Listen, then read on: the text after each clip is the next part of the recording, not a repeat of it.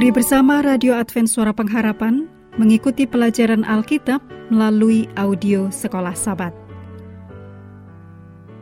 Selanjutnya kita masuk untuk pelajaran hari Minggu tanggal 13 Agustus. Judulnya Kondisi Dosa yang Semakin Memburuk. Mari kita mulai dengan doa singkat yang didasarkan dari Yohanes 6 ayat 33 perkataan-perkataan yang kukatakan kepadamu adalah roh dan hidup. Amin.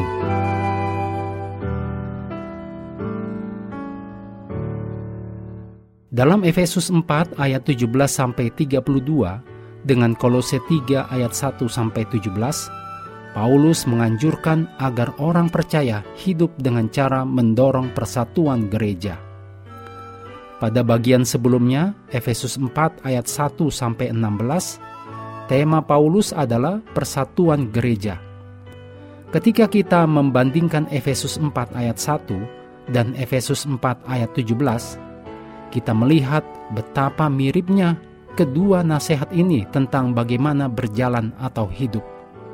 Kemiripan ini menunjukkan bahwa Paulus membahas tema yang sama, yaitu persatuan dan gaya hidup yang mendukungnya. Tetapi dari sudut pandang baru yang diawali dengan titik pandang lebih negatif. Dalam Efesus 4 ayat 17 sampai 24, Paulus membandingkan gaya hidup orang bukan Yahudi yang ia anggap merusak persatuan. Ditulis dalam Efesus 4 ayat 17 sampai 19. Dengan pola hidup Kristiani sejati yang memeliharanya.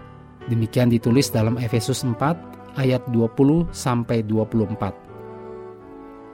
Sewaktu kita membaca kritik tajam Paulus terhadap gaya hidup yang bejat dari orang bukan Yahudi, kita harus mengingat yang Paulus yakini bahwa orang bukan Yahudi ditebus oleh Allah melalui Kristus dan memberikan kemitraan penuh dalam umat Allah.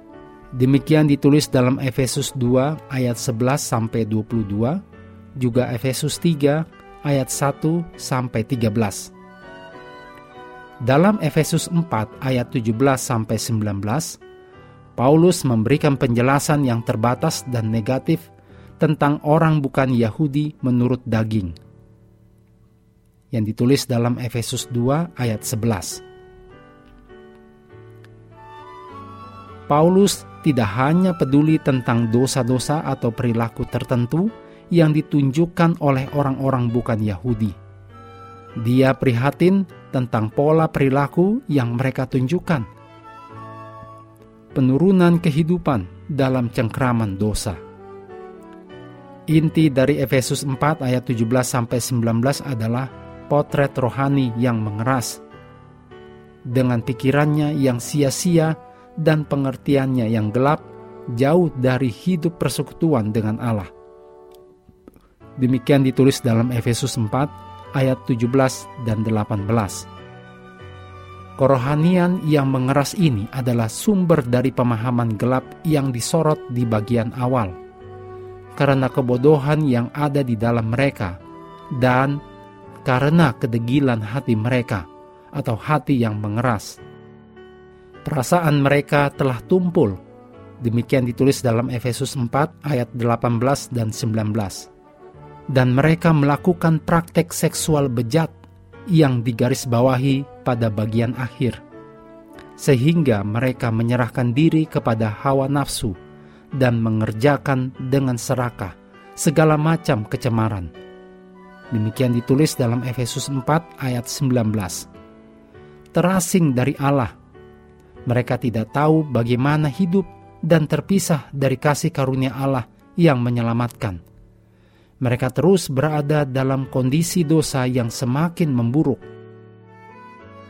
Renungkan pengalaman Anda atau orang lain dengan kuasa dosa yang terus menyeret seseorang makin merosot ke bawah, bahkan ke dalam lebih banyak dosa.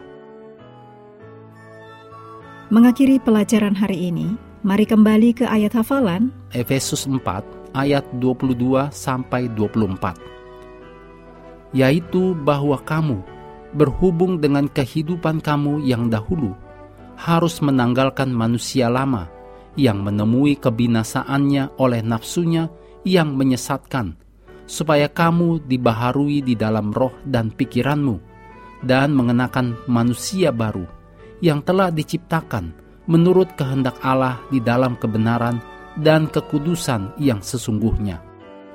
Kami terus mendorong Anda bersekutu dengan Tuhan setiap hari, bersama dengan seluruh anggota keluarga, baik melalui renungan harian, pelajaran sekolah sahabat, dan bacaan Alkitab sedunia, percayalah kepada nabi-nabinya, yang untuk hari ini melanjutkan dari Mazmur pasal 99 Tuhan memberkati kita semua.